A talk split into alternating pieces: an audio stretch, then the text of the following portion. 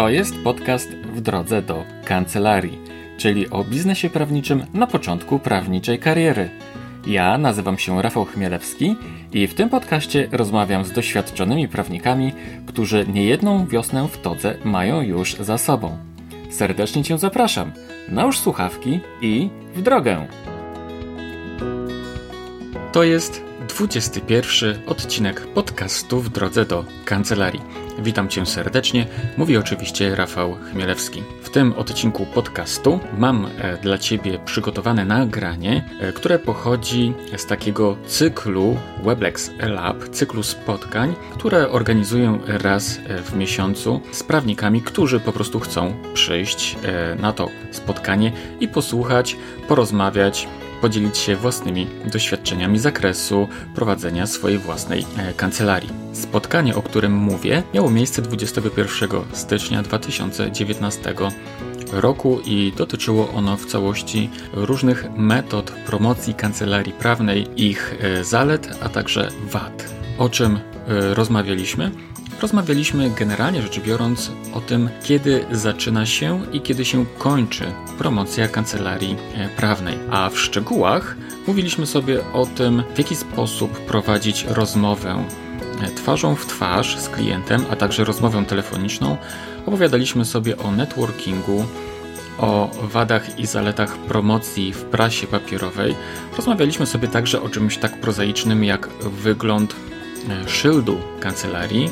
Rozmawialiśmy o promocji kancelarii za pomocą książki, za pomocą o właśnie direct e, marketingu. To jest bardzo ciekawe. Rozmawialiśmy również o tym, w jaki sposób promować kancelarię prawną podczas e, konferencji, podczas różnego rodzaju spotkań, bardziej lub mniej formalnych. Rozmawialiśmy sobie również o pozycjonowaniu, o AdWords, o reklamach na Facebooku i Instagramie, ale rozmawialiśmy sobie również o stronach e, prawniczych, takich e, stronach wizytówkowych. Trochę rozmawialiśmy również o blogach, o e-mail marketingu, rozmawialiśmy również o forach i grupach dyskusyjnych, o tym w jaki sposób promować kancelarię za pomocą e-booków, e, jak używać storytellingu. Rozmawialiśmy sobie w skrócie o mobilnych aplikacjach, o zaletach podcastu i wadach nagrań wideo. Rozmawialiśmy sobie również o promocji kancelarii e, w mediach społecznościowych. Ale to nie wszystko, ponieważ wśród tych metod promocji, które można podzielić ogólnie na E, promocję w świecie rzeczywistym i w świecie wirtualnym, ja wyróżniam jeszcze taką podkategorię promocji, e, które nazywam alternatywnymi metodami e, promocji, które tak naprawdę w moim przekonaniu powinny prowadzić do poleceń. Z poleceniami jest bardzo ciekawa sprawa, ponieważ niektóre kancelarie, z którymi się spotykam, mówią o tym, że polecenia działają świetnie w naszej branży, a inne kancelarie mówią, że polecenia dawno temu straciły już swoją wagę. Więc e, pytanie moje brzmi, skąd się bierze ta e, różnica? Wydaje mi się, że ta różnica wynika z tego, iż niektóre kancelarie mają bardziej świadomie lub mniej świadomie uporządkowany cały system swojego biznesu, a inne nie. I co mam tutaj na myśli? Mam na myśli tutaj takie elementy tego systemu, które tworzą pewnego rodzaju podstawę, pewnego rodzaju fundament kancelarii prawnej. I mam tutaj na myśli na przykład specjalizację kancelarii czy specjalizację przekazu promocyjnego.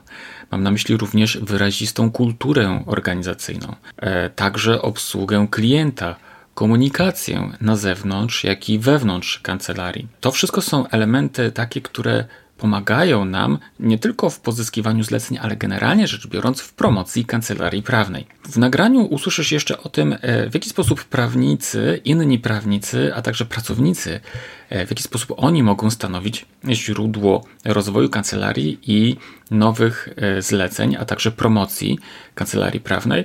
Rozmawialiśmy sobie również o obecnych klientach, obecnych klientach kancelarii prawnej, którzy również e, mogą być dobrym źródłem dodatkowych klientów, ale również obecni klienci mogą na nowo stawać się e, klientami, jeżeli tylko zaoferujemy im odpowiednią usługę dodatkową bądź jakąś zupełnie inną.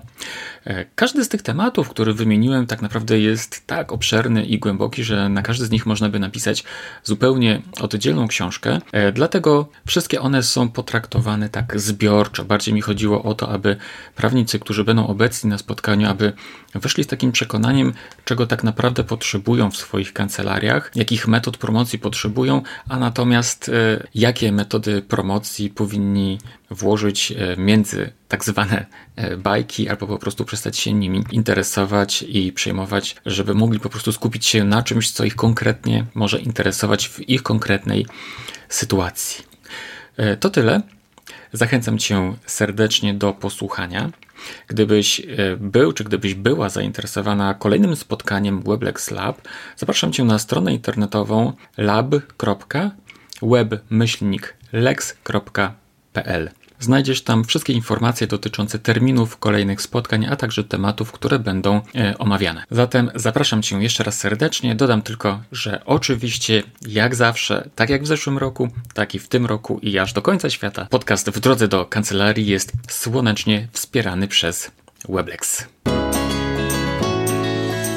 Przechodząc do tych notatek. E, pierwszy punkt to jest na przykład taki, że kiedy się zaczyna, kiedy w ogóle zaczyna się promocja, bo o promocji rozmawiamy kiedy się kończy.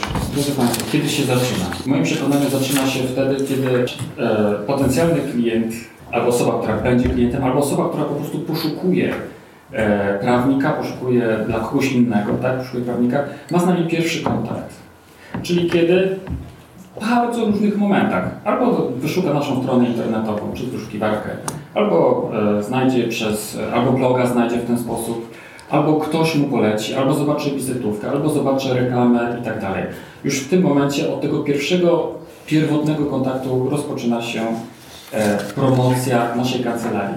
I mówię o tym, żeby po prostu, żeby spojrzeć na to oczami właśnie takiej osoby, nie? Na, to, na tą moją własną kancelarię, na tą moją własną firmę. Żeby spojrzeć na to, co zobaczy ta osoba w momencie, kiedy po raz pierwszy się z nami spotka. E, a kiedy się kończy, drodzy Państwo, promocja kancelarii? Wiele osób uważa, że koniec promocji kancelarii jest w momencie, w którym e, osoba albo wykonamy zlecenie, albo osoba wyjdzie z naszej kancelarii, już więcej nas nie. A tak naprawdę e, ta promocja wo wobec jednej osoby, nie wiem czy kiedykolwiek, czy można powiedzieć, że, że ma jakąkolwiek granicę, gdzie ona może się tak naprawdę zakończyć. Bo wielokrotnie jest tak, że przecież klienci polecają nasze usługi dalej. W związku z tym jakby ta, ta, te osoby cały czas są pod wpływem tego, jaki my na nich wywaliliśmy wpływ i jakie wywaliliśmy wrażenie. Promocja tak naprawdę nie kończy się nigdy. E, w szczególności wobec tych osób, które mają, ja to tak nazywam, stałą potrzebę usługi prawnej, czy mają stałe potrzeby. Mam na myśli na przykład przedsiębiorców. No ale myślę, że osoby fizyczne też od czasu do czasu mają różnego rodzaju problemy i wątpliwości prawne. Więc tak naprawdę e, mówię o tym, żebyście, żebyśmy Państwo zwracali uwagę na to, że promocja tak naprawdę zaczyna się bardzo wcześnie i nie wiadomo tak naprawdę, kiedy się kończy. Tak? Nie można ustalić jakiejś konkretnej granicy, kiedy, kiedy ona się kończy i że warto dbać o te relacje, nawet wtedy, kiedy taką usługę już e, wykonaliśmy. Drugi punkt. Podział na promocję w świecie rzeczywistym i wirtualnym. I to się oczywiście wydaje oczywisty podział i nie ma może nad tym co dywagować, gdyby nie to, drodzy Państwo że ja jeszcze znajduję, czy jestem w stanie wyróżnić trzecią kategorię takiej sfery, gdzie przeprowadzamy promocję, gdzie ta promocja ma miejsce. Nazwałem to po prostu alternatywnymi sposobami promocji kancelarii i o tym powiem potem. Przejdźmy do, do szczegółów. Promocja w świecie rzeczywistym taka tradycyjna. Rozmowa w cztery oczy i, i, i, rozmowa, i rozmowa telefoniczna. Drodzy Państwo, byłem świadkiem wielu, wielu rozmów telefonicznych przeprowadzonych w mojej obecności przez różnorakich prawników. I powiem Wam szczerze, że wielokrotnie było tak, że ja nie rozumiałem, co, ta, co ten prawnik, o czym on mówi. E, chodzi mi o to, żebyśmy zwracali uwagę, jakich słów używamy. Czy posługujemy się językiem naturalnym, czy jest to język taki bardziej prawniczy. Jeżeli używamy języka, który jest niezrozumiały dla ludzi, to zwyczajnie to, co jest niezrozumiałe, budzi nas lęk. To jest absolutnie naturalne. Tak? Więc jak mamy się dogadać z ludźmi, którzy zaczynają się nas w pewnym sensie odczuwać pewnego rodzaju dyskomfort w kontakcie z nami, tak? Kiedy my mówimy, rozmawiamy z nimi przez telefon. To jest, słuchajcie, bardzo ważna rzecz. lepiej mówić swobodnie, żeby do tych ludzi docierało to, co my mamy do, e, do powiedzenia. Przeważnie jest tak, drodzy Państwo, że jeżeli e, ktoś do mnie dzwoni, obojętnie kto, to nigdy nie rozumiem imienia i nazwiska. Często to jest tak. Więc warto mówić tak, żeby ci ludzie wiedzieli, z kim rozmawiają. Zazwyczaj najlepiej, kiedy odbieram telefon, odczekać kilka sekund, żebym był pewien, że połączenie jest nawiązane i wtedy wyraźnie mówię dzień dobry, mówi Rafał Chmielewski. Warto przećwiczyć swoje imię i nazwisko, żeby po prostu mówić to wyraźnie i głośno, żeby ta osoba wiedziała, z kim rozmawia. Macie takie same doświadczenia? Tak, Czy nie? Tak. w takim żołnierskim, Tak, żołnierskiej formie i tak. Tak. Musicie, e, e, warto mieć świadomość tego, że ludzie, którzy do nas dzwonią, mają często różnego rodzaju kłopoty albo poszukują jakiejś odpowiedzi na swoje własne problemy czy wątpliwości. Szukają kogoś, kto ich po prostu poprowadzi za rękę i, i przeprowadzi przez większe lub mniejsze kłopoty ich życiowe, tak? bądź wątpliwości, pomoże im. Jeżeli wypowiadamy się w sposób wyraźny i przejrzysty, to jednocześnie dajemy im do zrozumienia, że twardo stąpamy po ziemi, że wiemy, co robimy, że jesteśmy solidni, jesteśmy odpowiedzialni. To naprawdę ma znaczenie. Żeby to wszystko dobrze nam wychodziło, ale także żebyśmy mówili podczas rozmowy także wyraźnie, warto poćwiczyć swoją paszczę, że tak się wyrażę, trochę ironicznie. Są różnego rodzaju ćwiczenia. Można sobie zrobić rrr, można sobie zrobić wiem, jakieś słowa, śpiewacy na przykład często używają Bella Rosa, albo na przykład Coca-Cola to jest to. Takie wyrazy sobie po prostu warto poćwiczyć, takie, takie sformułowania, e, po to, żeby potem po prostu przez telefon wyraźnie mówić, albo kiedy się spotykamy z drugim człowiekiem, żeby również mówić wyraźnie. Bardzo ważna rzecz. Gesty. Język ciała, mowa gestów to już... Znaczy przy rozmowie telefonicznej to też ma wbrew pozorom znaczenie, ponieważ jeżeli mówimy tak, nawet jeżeli przez telefon, to te gesty też nadają odpowiedniego brzmienia naszemu głosowi. Kiedyś byłem na takim spotkaniu, powiem szczerze. E, spotkanie w pewnej, e, w pewnej kancelarii tutaj w Warszawie na Starym Mieście. Spotkanie nie było zainicjowane przeze mnie, e, tylko przez pewną agencję marketingową i ta agencja marketingowa to był ich klient. Pierwszy. To miało być pierwsze spotkanie. I ci chłopacy z tej agencji marketingowej znaleźli mnie w sieci, ponieważ oni bali się tam pójść sami i poszukali kogoś, kto będzie mógł pójść z nimi po prostu. I, i znając środowisko, znając klientów mniej więcej, mógł z, z tą kancelarią, z tymi prawnikami porozmawiać. No i na, to, na tym spotkaniu byłem ja, było ich dwóch, siedzieliśmy po jednej stronie stołu, po drugiej stronie siedziało pięciu partnerów. Pięciu czy nawet sześciu. No i najpierw, najpierw było tak, że mówili ci, ci koledzy, bo oni, oni od, od stron internetowych pozycjonowania, i powiem Wam szczerze tak, oni ręce pod stołem i grobowa atmosfera, oni zestresowani. Jeden z nich cały czas obrączkę przewijał pod stołem z, z nerwów, tak? Myślę sobie, Boże, ja nigdy nie byłem na takim spotkaniu, gdzie byłby po prostu taki chłód z jednej i z drugiej strony. Ale kiedy doszło do mnie, to przede wszystkim co ja zrobiłem, wyciągnąłem ręce nie? i zacząłem opowiadać o blogach prawniczych, bo na tym się najlepiej znam. Nagle się okazało, że tak po prostu te gesty, to co, jestem, to co opowiadam i to co właśnie pokazuję w ten sposób, nagle się okazuje, że to jest w stanie w ogóle rozluźnić całą atmosferę. Nie? Gesty są naprawdę ważne. E, nie trzymamy rąk ani tak, ani jakoś tak, ani inaczej, tylko po prostu swobodnie ręce, żeby też pokazywały to, o czym mówimy. Bo przecież mówi się o tym, że język ciała i mowa gestów to jest, e, nie wiem, ileś tam procent przekazu, który mamy. Nie wiem, czy to jest prawda, czy nie, ale w pewnym sensie na pewno jest to coś, na co trzeba koniecznie zwrócić uwagę. A ludzie przecież e, kupują, czy my kupujemy, my też jesteśmy ludźmi przecież, kupujemy emocjami, jak to nie było. Historie. Dlaczego mówię o tych historiach? Też dlaczego mam historie zanotowane? Ano dlatego, drodzy Państwo, że bardzo często jest tak, że już jak z tymi ludźmi rozmawiamy, to oni po prostu nie wiedzą, o czym mówimy. Najzwyczajniej w świecie. Jedyne, co do nich trafia, to przykład innej osoby. I warto używać historii, po prostu opowiadać swoje doświadczenia, jakie my mieliśmy w podobnych przypadkach ze współpracy z innymi klientami. I to nie chodzi o to, że ten ktoś nagle zrozumie to, co my mamy mu do przekazania, ale on zrozumie jedną podstawową rzecz, że my jesteśmy w stanie mu pomóc. Tak? Dlaczego? Dlatego, że z tej właśnie historii podświadomie zupełnie wynika, że y, mam wiedzę i doświadczenie w zakresie takim, z którym historię tę opowiadam i, z, i w zakresie, w którym ta osoba do mnie przychodzi po poradę prawną, nie? czy z jakimś tam e, swoim własnym problemem. Historie są istotne nie tylko w takim w, w rozmawianiu, ale także w pisaniu i o czym jeszcze będę mówił, w szczególności w blogach prawniczych, ale też na stronie internetowej również. Historie są naprawdę bardzo ważne i o storytellingu, bo to jest koncept storytellingu, nie mówi się w naszej branży, nikt o tym nie mówi. A uważam, że storytelling to jest coś takiego, co w ogóle przełamałoby wiele, co zlikwidowałoby wiele problemów, które mamy w ogóle jako branża e, w kontaktach z naszymi klientami. Tak, nawet ja, nie mówi się o tym, rzeczywiście nawet pewne jakieś wątpliwości mam, na ile to jest etyczne na przykład opowiadanie o tych historiach, czy to nie jest jakoś tam powiedzmy wbrew. To ile się... można uchylić takiego rąbka jasne, tajemnicy. Panie Petrze, to będziemy jeszcze rozmawiali o tych historiach potem, dobra? Ja powiem, przepraszam, jak, jak mogę dygresję.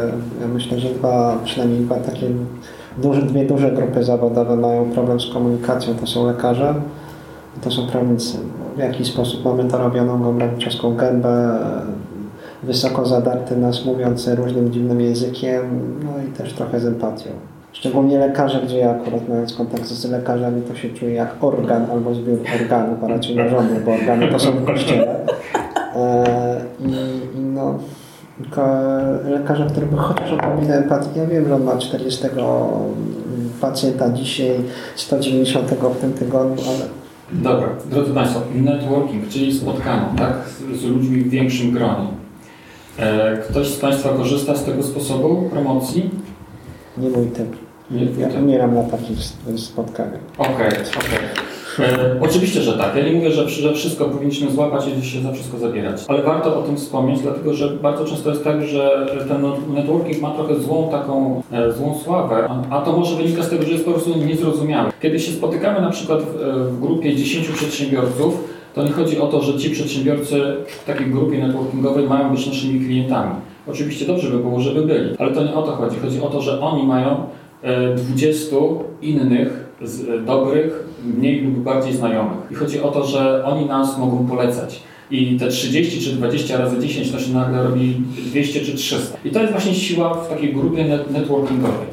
Jest sporo takich grup w Warszawie, takich biznesowych. Niektóre działają trochę jak Amway, jak MLM właśnie. E, niektóre działają zupełnie inaczej, ale czasem jest to rzeczywiście dobry sposób na to, żeby, żeby się spotkać, żeby porozmawiać tak? i żeby pozyskać e, e, klienta. Ważne jest tylko co? Ważne jest tylko to, żeby przede wszystkim najpierw od siebie coś w takiej grupie dać. Tak, żeby nie chodzić na takie spotkania, żeby coś sprzedać. Nie, nie chodzi o to, żeby tam się spotykać i oferować swoje usługi. Chodzi o to, żeby starać się pomagać innym. Wówczas okazuje się, że oni są w stanie pomagać nam, czy oni chcą pomagać nam. Chcą się bardzo często zrewanżować za pomoc, której my, my im udzieliliśmy. Czasem bywa tak, że jeżeli nie ma takiej grupy, która mi odpowiada, albo na przykład prowadzę kancelarię w małym miasteczku, gdzie nie ma szans na taką grupę, to dlaczego nie mogę jej stworzyć samodzielnie? Zaprosić iluś tam przedsiębiorców, pójść do nich po prostu, do tych przedsiębiorców, na których mi zależy, yy, spotkać się z nimi i zaprosić ich na takie spotkanie, czy zaproponować im cykliczne spotkanie na przykład raz w miesiącu, czy raz na dwa miesiące. Wieczorem e, po pracy, kiedy, on, kiedy wszyscy pozamykamy swoje firmy, możemy się spotkać, możemy wypić kawę, możemy porozmawiać o swoich doświadczeniach. Możemy zaprosić od czasu do czasu kogoś, kto przyjdzie e, i opowie coś o jakimś aspekcie biznesowym, tak? jako, jako gość możemy nawzajem się wspierać w różnoraki e, sposób. E, I uważam, że to jest bardzo fajny pomysł na to, żeby się rozwijać, w szczególności w małym mieście. I dlatego mówię o, trochę wspomniałem o tym networkingu. Przechodząc dalej, drodzy Państwo, e, z tymi artykułami procesowymi, to drodzy Państwo, powiem Wam szczerze, że taki jest trochę miszmasz. Bo e, znacznie lepszym sposobem na e, promocję swojej własnej kancelarii zamiast artykułu procesowego jest po prostu artykuł w blogu. E, dlaczego? Dlatego, że to, co piszemy w prasie, to trwa, żyje jeden dzień, może dwa dni i koniec.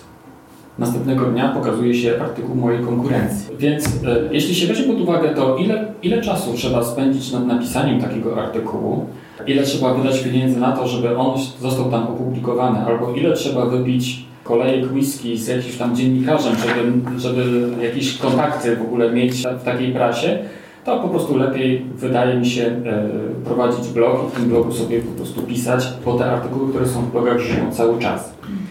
Także gdybym miał e, wybierać między prasą a innymi metodami promocji, zdecydowanie zrezygnowałbym z prasy. I prasa może jest fajnym pomysłem na to, żeby raz zamieścić jakiś artykuł, a potem się nim chwalić przez następne 200 lat, że byłem w prasie, byłem w takiej gazecie, w takiej gazecie i w takiej, ale w moim przekonaniu to wystarczy.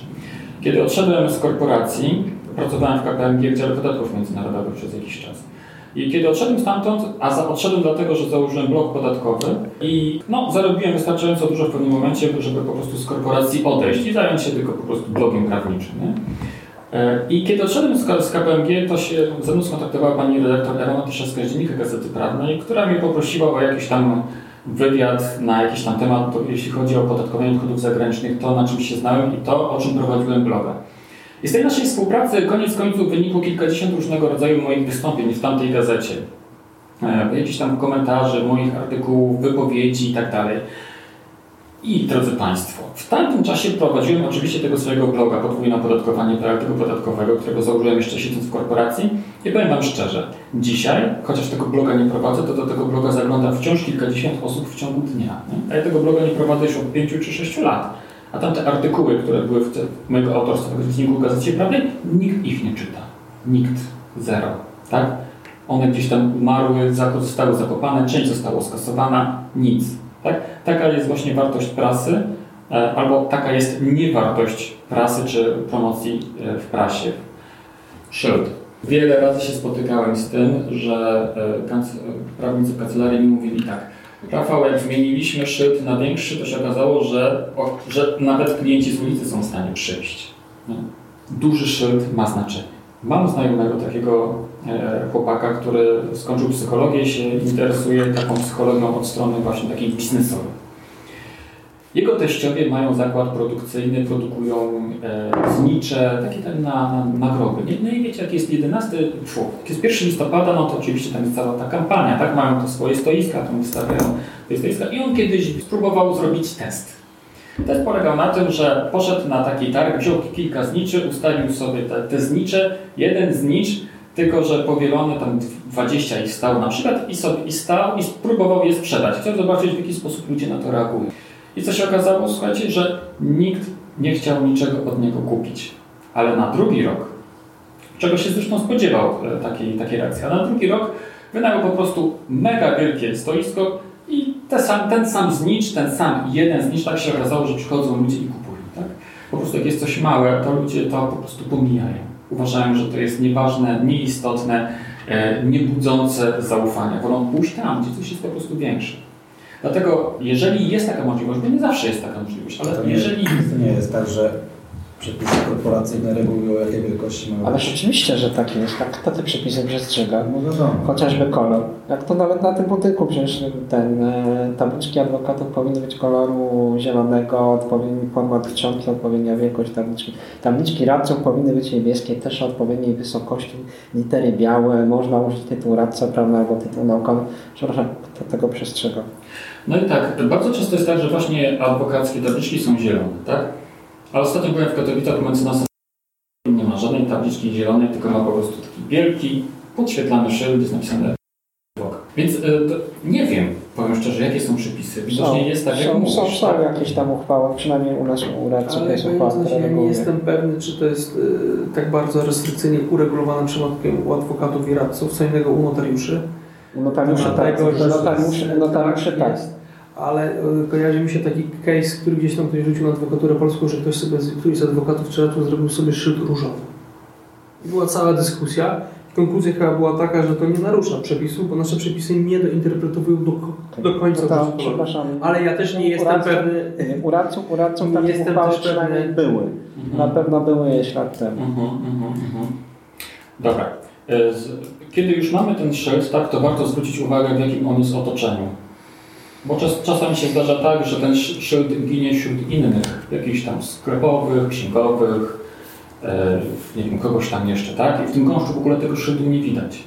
A jeśli liczymy na to, że ktoś e, przychodząc ulicą po prostu szuka kancelarii prawnej, no to w takim gąszczu po prostu tego szyldu naszego nie zauważy. Nie, no ale pod warunkiem, że ktoś żyje z klienta z chodnika. Oczywiście. oczywiście. Pod warunkiem, że ktoś celuje w tą, Tak. tą kategorię klienta. Tak, ale, ale, bywa, ale bywa, że, Że celuje. też. Że celuje. Tak. Co jeszcze ważna rzecz. E, Bywa tak, że często jak jadę do jakiejś, może nie często, tak, ale zdarza się, że jadę do kancelarii i widzę szyld, ale nie jestem w stanie trafić do kancelarii. Szukam, idę w jedną stronę, w drugą stronę i tak dalej i nie ma tego numeru. Jest szyld, jest po prostu napisane tak konkretnie, ale nie ma numeru, ale, ale, ale nie mogę znaleźć drogi. I muszę zadzwonić i, i poczekać, aż ktoś po mnie wyjdzie, czy mi po prostu wskaże drogę. No bez sensu, tak? Lepiej po prostu, żeby ten szyld od razu pokazywał, mniej więcej wskazywał, w jaki sposób mogę tam do tej kancelarii dotrzeć. Bo często jest tak, że szyld jest z przodu, ale żeby dojść do kancelarii, to trzeba wejść na podwórze i tam jakieś, jakieś drzwi jeszcze i tak dalej, nie? Trudno jest czasami trafić. Więc ważna, ważna rzecz. E, aha, no i jeszcze to, że warto czasem właśnie spojrzeć na ten szyld, czy on jest czysty. No wiadomo, że jeśli jest nad drzwiami wysoko, no to się zabrudzi i ciężko, ciężko go przetrzeć, ale bardzo często jest tak, że on jest na wyciągnięcie ręki, że wchodząc po prostu do kancelarii można wyciągnąć chusteczkę i go po prostu i przetrzeć, tak żeby nie był pierniczony, zakurzony, albo taki, że w ogóle go nie widać, jest napisane. Słuchajcie, może to jest oczywista oczywistość. Tak jak prowadzę Weblexa od roku 2010, 9 lat, spotykałem się z setkami kancelarii, z setkami prawników rozmawiałem, to są po prostu moje doświadczenia, tak?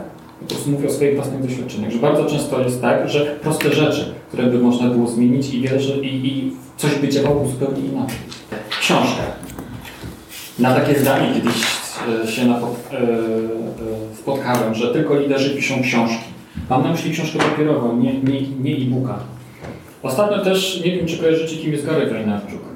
E, był u nas w Polsce niedawno i on, on powiedział tak, że jeśli masz, e, on powiedział tak, jeśli masz markę, to sprzedaż jest nudna. Sprzedaż nie jest żadnym wyzwaniem, jeśli masz markę. Ja mówię tak, dlatego właśnie, ja nie tworzę żadnych e-booków. Piszę książki, bo książki tworzą markę. E, zauważcie, że książki, jeżeli już się kupi, już ktoś kupuje naszą książkę, to ta książka stoi przez lata na jakiejś półce. I cały czas przypomina o swoim autorze. Książka bardzo często e, zawierająca kilka, sto kilkadziesiąt stron czy kilkadziesiąt stron jest czymś takim, co doskonale buduje relacje. Pozwala poznać mnie jako autora, pokazać moją ofertę, pozwala nawiązać znacznie lepszą relację niż ta, którą jestem w stanie nawiązać za pomocą jakiegokolwiek innego kanału promocji. Książki mają jednak e, poważną wadę, że to jest kosztowne. I napisanie książki, bo to jest i czas, potem wydanie książki to też to są pieniądze. Ale powiem Wam szczerze, że od kiedy wydałem pamiętnik adwokata, nagle się okazało, że cały Weblex się zmienia. E, dlaczego? Dlatego, że nie tylko on po prostu książka generuje klientów, ale książka także wpływa na budowę zespołu i relacji, jaka jest w zespole i w firmie. To jest naprawdę coś ważnego, tak? Jeżeli w firmie powstaje jakaś książka, ktoś pisze książkę w firmie. Ważna rzecz jest taka. Uważam, że książki prawnicze wydawane przez Beka czy przez coś innego, przez Kluvera na przykład, są smutne, i tak naprawdę nikogo nie zachęcają do lektury poza innymi prawnikami. Tak? Naszymi klientami nie są prawnicy, chociaż bywa, że też, ale mm, to są ludzie po prostu no, z zewnątrz, tak? Spo, spoza naszej branży. Dlatego warto taką książkę wydać w wydawnictwie, które da pełną swobodę tworzenia. Żeby taką książkę można było napisać w swoim własnym stylu, dać swoje własne obrazki, bez jakiegoś, bez jakichś, jakichś sztywnych ram narzuconych przez wydawnictwo prawnicze. Taka książka może być inspirująca. Ile dobrych opinii usłyszałem o pamiętniku adwokata. Nie mówię, o, nie mówię to po to, żeby, żeby się chwalić, e, bo to nie o to mi zupełnie chodzi, ale chodzi o to, że to jest książka, jedyna książka o marketingu, która inspiruje ludzi. Wiele miałem takich właśnie informacji, takich, e, takich opinii, że ta książka jest naprawdę inspirująca. A tak naprawdę o czym ona jest? Ona jest po prostu o blogu prawniczym.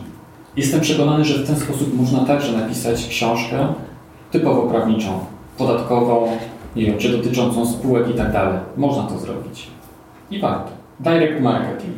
Dawno zapomniana forma. Direct marketing, czyli po prostu wysyłka. Ja nie wiem, jak na to patrzy etyka i czy w ogóle mówi coś na ten temat. Etyka adwokacka czy, czy uradców prawnych.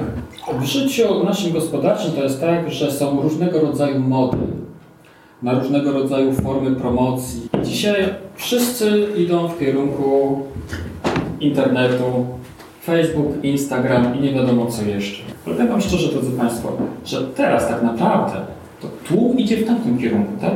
A ci, którzy są mądrzy, patrzą na to, co było wcześniej i powracają do tych starych form promocji. I w tą starą formą promocji to jest jeszcze direct marketing, czyli po prostu wysyłka czegoś tam do kogoś. Jednakże warto na to spojrzeć z innego punktu widzenia.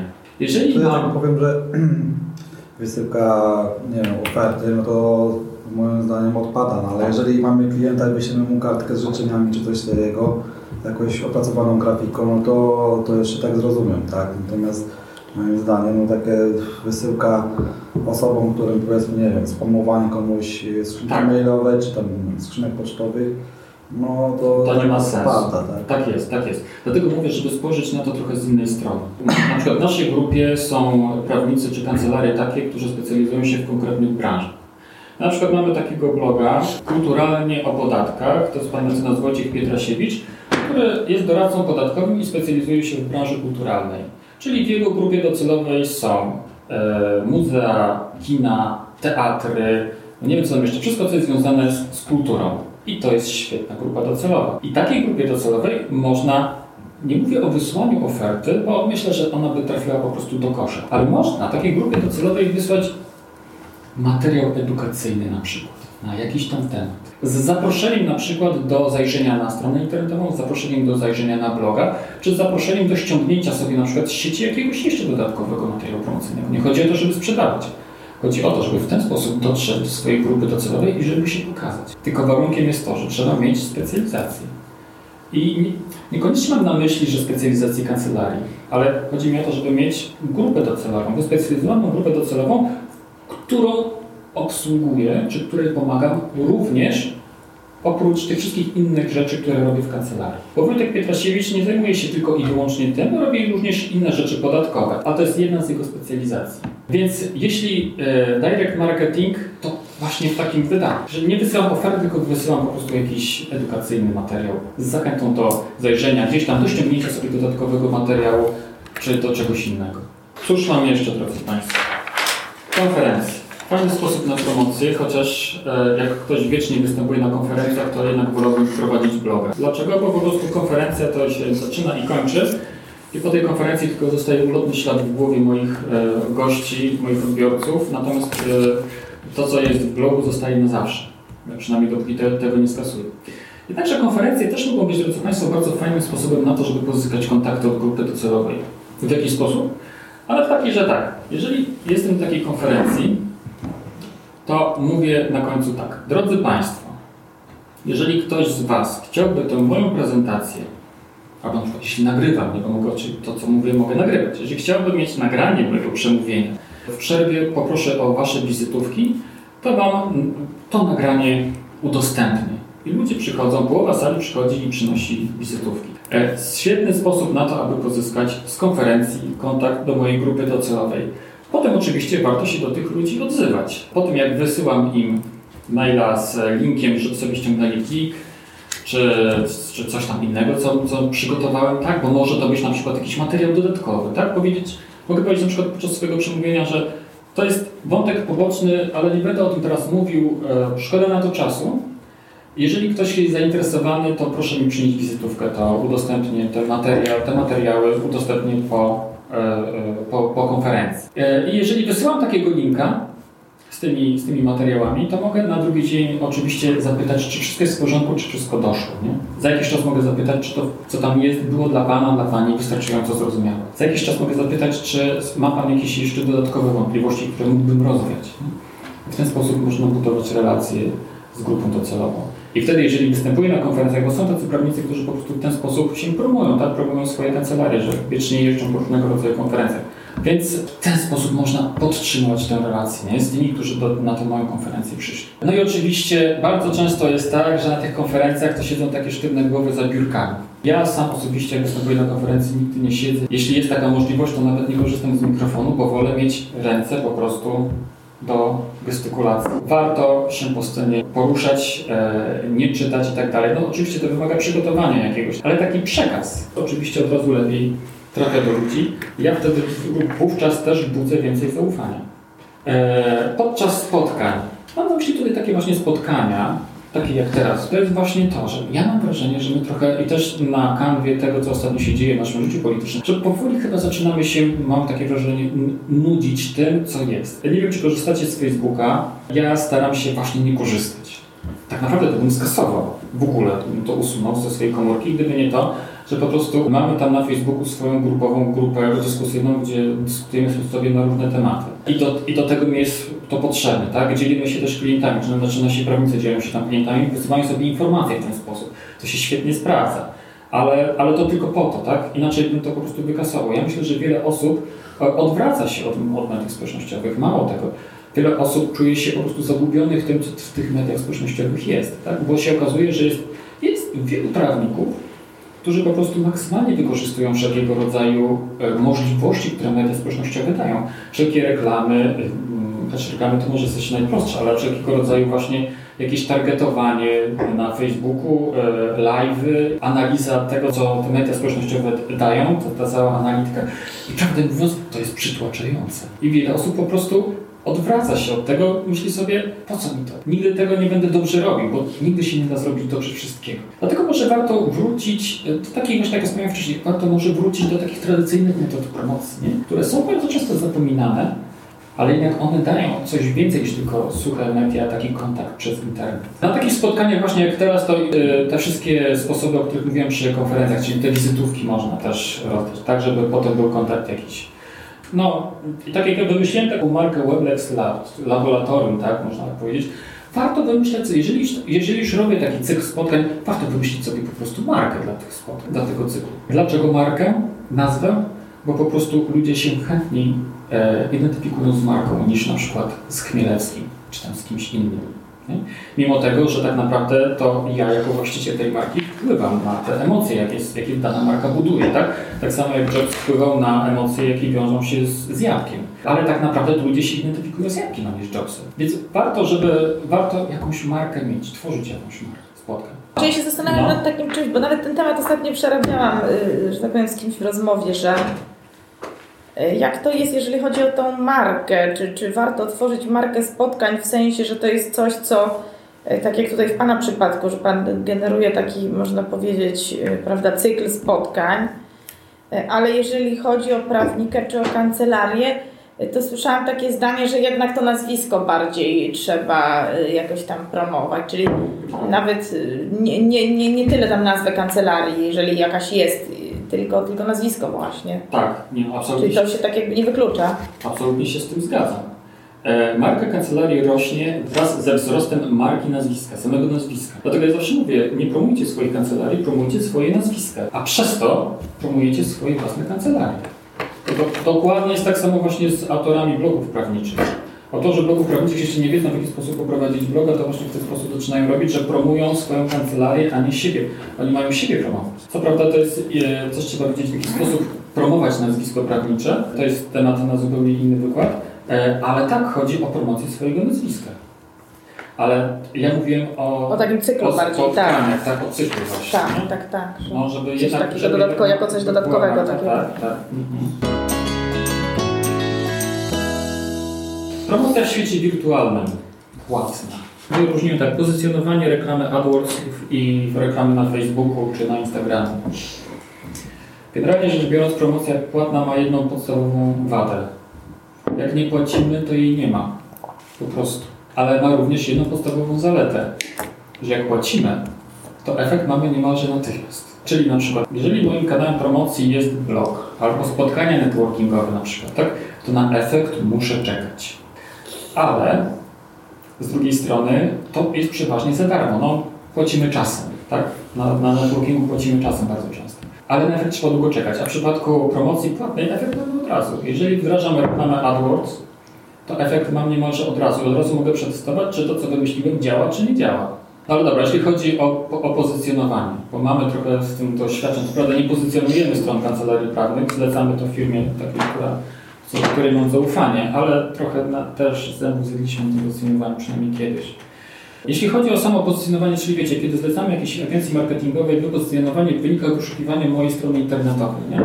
to bardzo często jest tak, że kancelarie wybierają do pozycjonowania frazy typu adwokat Warszawa, adwokat rozwód Warszawa i tak dalej. Ja kiedyś wpadłem na taki pomysł, że, że lepiej pozycjonować frazy takie, które są frazami takimi mało popularnymi, na przykład rozwód z winy małżonka. Bardzo niewiele kancelarii pozycjonuje się e, na frazę rozwód z winy małżonka, e, dlatego że ona jest po prostu mniej popularna, a każdy chce mieć bardziej popularną frazę. Nie? Chce być na tobie na tę bardzo, bardzo popularną frazę. I wiecie co? Ja myślałem, że to będzie najlepszy, że to będzie super metoda promocji. Okazało się, że to kompletnie nie działa. Znaczy tak, strona wypozycjonowana może być na samym topie wyników wyszukiwania. Ale co z tego, jak ludzie, którzy zaglądają na tę stronę, z wyniku wyszukiwania widzą, że jest, wchodzą na tę stronę, a nie kontaktują się z kancelarią. Mimo tego, że strona jest fajna, budzi zaufanie i tak dalej. Okazało się, że to, że kancelarie bardzo często wybierają sobie, czy z reguły sobie wybierają frazy adwokat Warszawa, czyli takie ogólne, to właśnie takie frazy działają. Mhm. Także gdybyście kiedyś pozycjonowali swoje strony, to weźcie to pod uwagę. To ma niestety jedną wadę. Jest największe właśnie zatłuczenie na te frazy, dlatego pozycjonowanie takie na taką frazę jest drogie. Zresztą AdWords też na takiej frazy jest drogi, bo jest po prostu duża konkurencja i, i duży ruch. Natomiast e, pozycjonowanie ma jeszcze taką wadę, że efekt z reguły nie jest od razu, tak jak przy AdWordsie i przy reklamach na Facebooku, tylko trzeba na niego poczekać. I ważne jest też to, że to jest niebezpieczna forma promocji. Innymi słowy mówiąc, że to narusza, z reguły narusza to regulamin wyszukiwarek. Jeśli się dostanie bana od Google, no to ciężko to potem odwrócić. Można to odwrócić, ale to znowu trwa i znowu trzeba na to wydać więcej pieniędzy. W związku z tym, jeżeli już zlecam pozycjonowanie jakiejś agencji, to warto, żeby, warto znaleźć agencję taką, która wiemy, że zrobi to dobrze i bezpiecznie dla mojej strony internetowej czy dla mojego bloga. Oczywiście takie usługi są wówczas droższe, no ale coś za coś. A dlaczego nie pozycjonuje się i nie stosuje się AdWordsów e, w jakichś blogów? Bo to po prostu nie działa. Czy na przykład mam bloga rozwody, to nie pozycjonuje się na hasło rozwody? Rozwód Warszawa? To wygląda w ten sposób, że blog, jeśli jest dobrze poprowadzony, to on się będzie pozycjonował idealnie na, e, na wiele różnych fraz związanych z rozwodem. A tych fraz, to tak strzelę, to może być z 10 tysięcy, jak nie więcej. Bo są frazy główne, na przykład fraza rozwód, pojawia się w wynikach, e, pojawia się w Google, w wyszukiwarce Google około 9 tysięcy razy w ciągu miesiąca. Ale to jest tylko ta fraza, a ludzie wpisują najróżniejsze rzeczy do internetu. I tych fraz okazuje się, że są dziesiątki tysięcy w takich popularnych właśnie e, dziedzinach jak rozwód. I lepiej poprowadzić dobrego bloga, bo ten blog będzie się pozycjonował świetnie, idealnie na te 10 tysięcy fraz, niż zapłacić za AdWords za frazę rozwód. Żeby blog czy witryna pojawiła się e, na frazę rozwód na topie wyników wyszukiwania, to pewnie trzeba by zapłacić, nie wiem, za 30 zł za jedno kliknięcie. To jest bardzo mhm. dużo, nie? E, więc lepiej po prostu poprowadzić dobrego bloga, e, bo on się będzie lepiej pozycjonował i to będzie znacznie tańsze niż wykorzystanie AdWordsa do bloga. Bo strona internetowa nie będzie się pozycjonowała sama z siebie, trzeba jej pomóc. Dobrym pomysłem jest, drodzy Państwo, e, zrobienie tak, że najpierw wstawienie AdWordsa, czyli promo, promo, promocję strony za pomocą AdWordsa, a dopiero potem zrobienie pozycjonowania tej strony. Że strona, która była wcześniej reklamowana za pomocą AdWordsa, po prostu ona się znacznie potem lepiej pozycjonuje.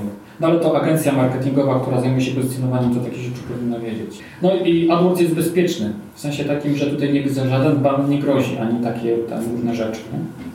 Efekt jest natychmiastowy, Ustawienie kampanii AdWordsa jest średnio trudne. Bez wątpienia zabawa zaczyna się wtedy, kiedy zaczynamy testować. Chcemy potestować, jaka fraza dla nas przynosi najlepszą korzyść. I agencja marketingowa właśnie powinna do tego, w ten sposób podejść do tego, że najpierw przetestujemy sobie różne frazy, ile mamy zysku, nie czy się klienci zwracają z pytaniem i tak tylko konkretnie, ile zysku do kancelarii przynosi konkretna fraza, czyli jakie są zlecenia i ile z tych zleceń jest, tak?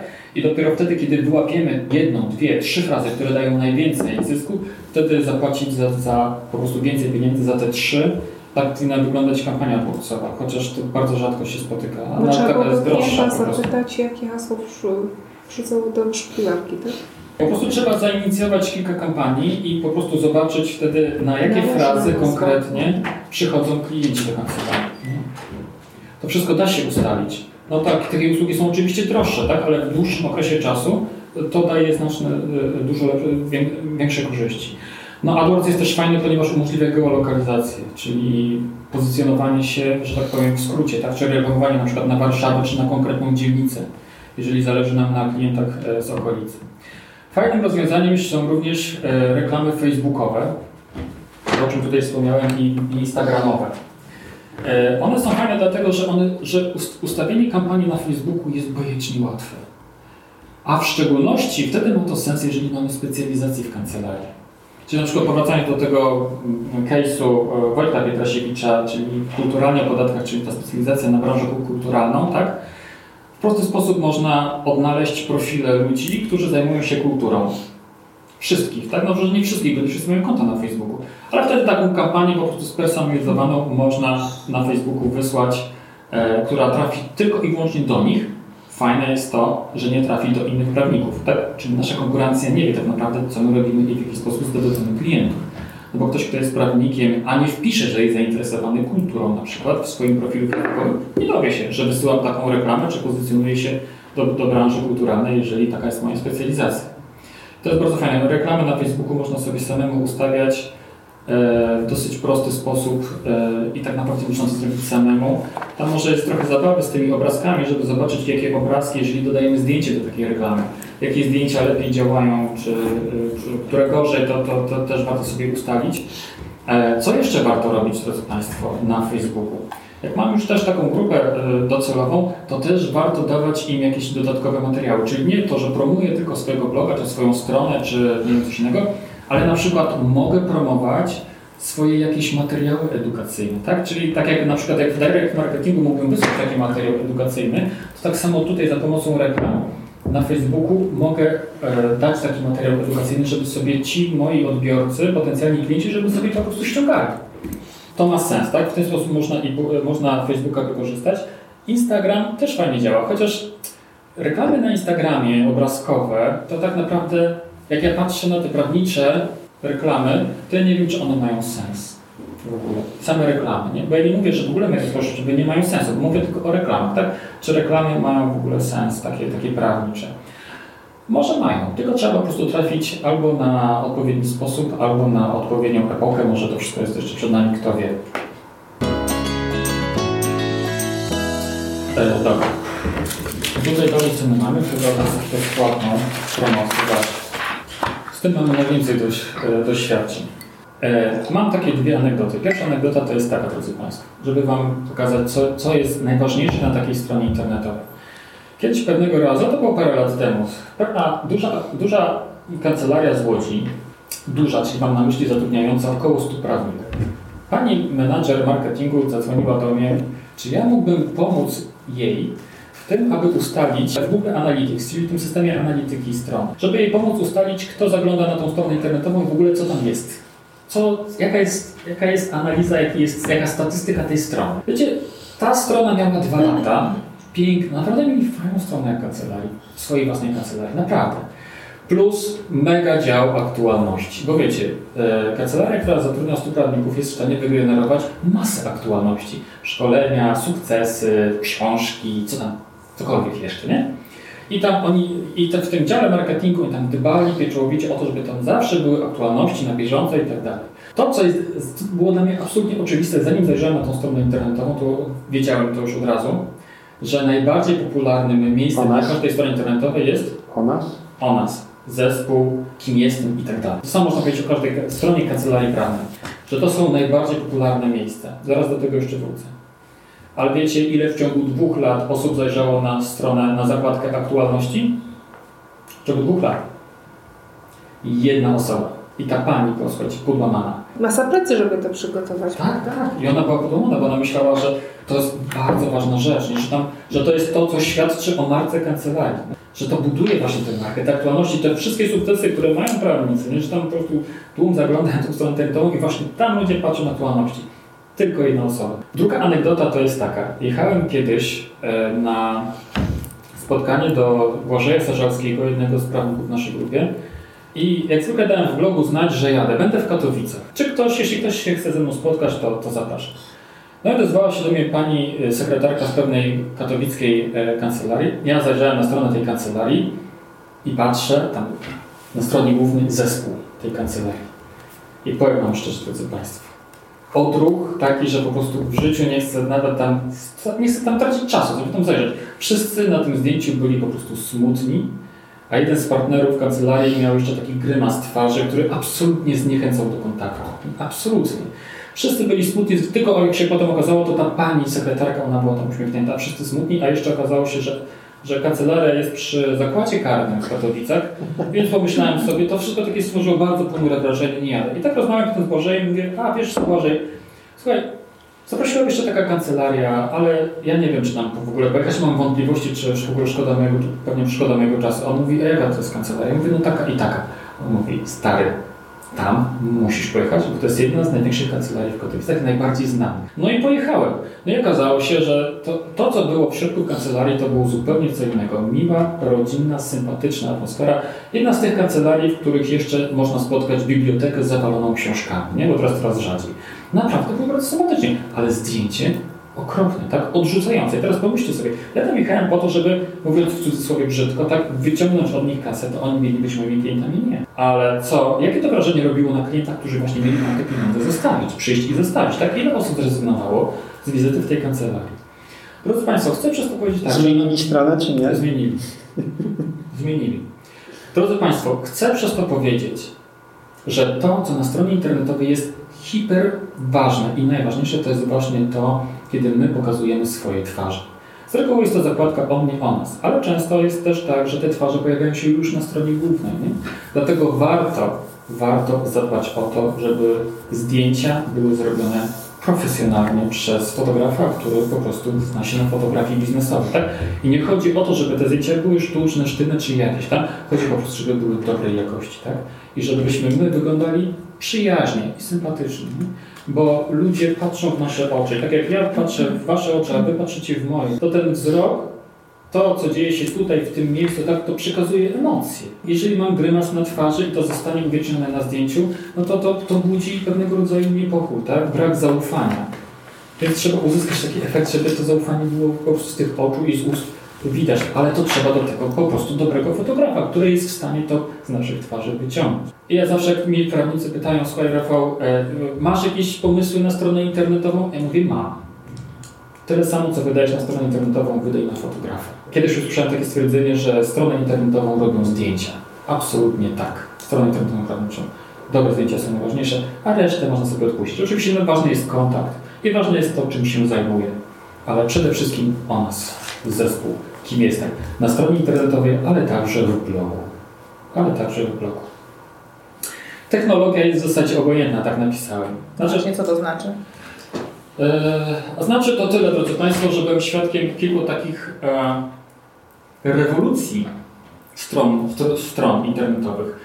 Kiedy strona taka prawnicza, która była taka lekko z epoki kamienia łupanego, tak, została nagle zamieniona na stronę taką super, nowoczesną i przestała generować klientów. Okazywało się, że to, co było wcześniejsze, chociaż z epoki kamienia łupanego, było znacznie lepsze.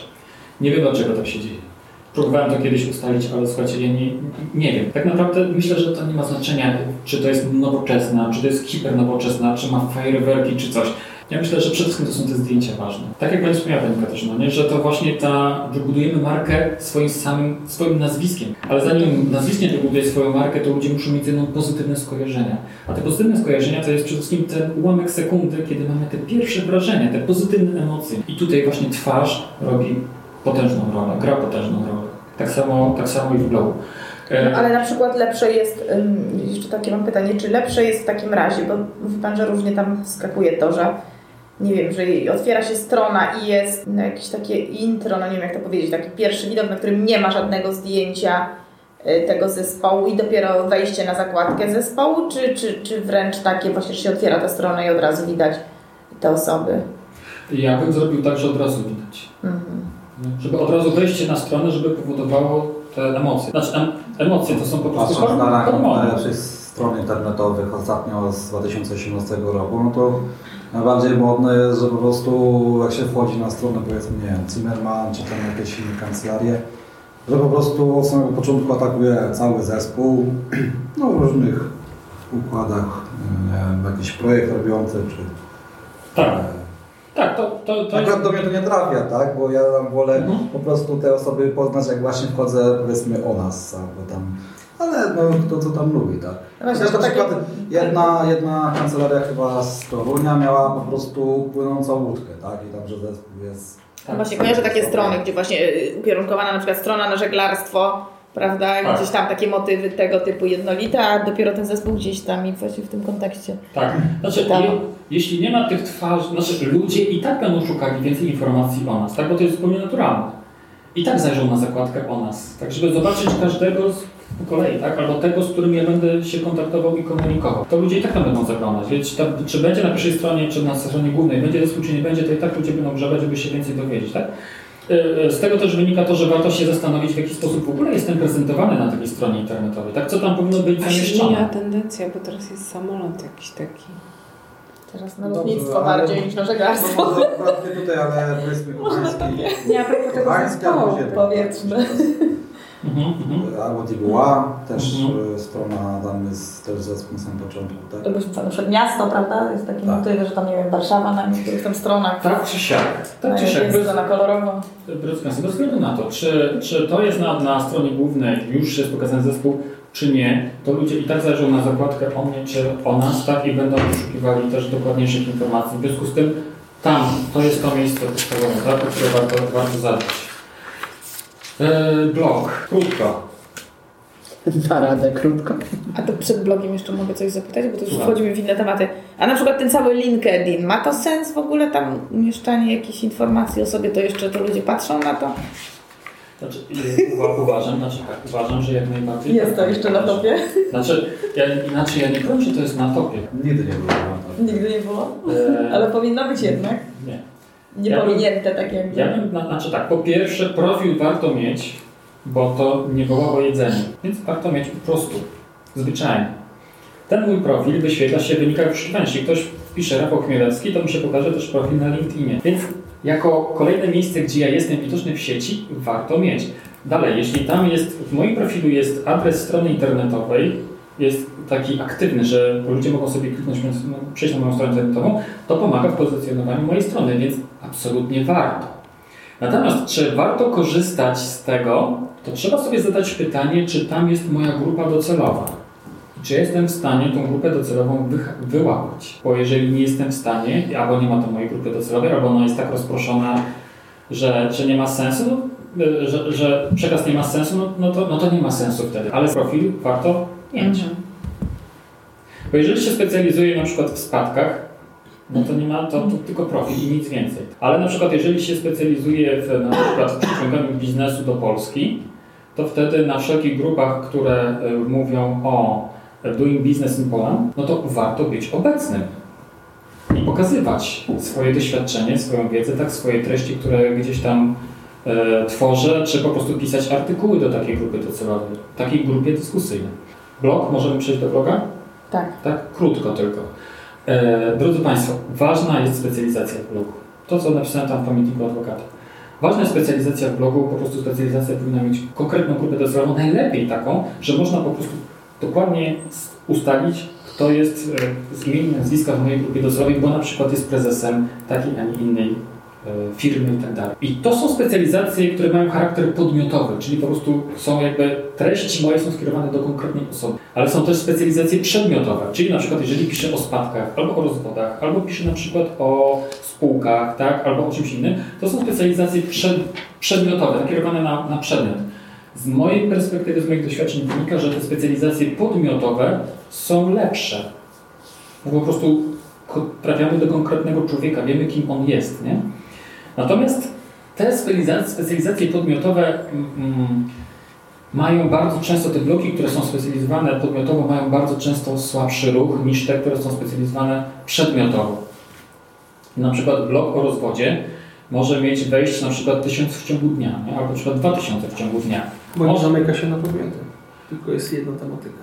E, Bo, bo jest duży ruch, bo jest duży ruch w sieci na, na daną frazę, taki po prostu ludzie przychodzą, przychodzą tłumnie. Co nie znaczy, że będzie generowało zadowalającą nas ilość klientów. E, Dlatego bloki podmiotowe bardzo często na przykład mogą mieć w ciągu dnia 20 wyświetleń, tak? 30.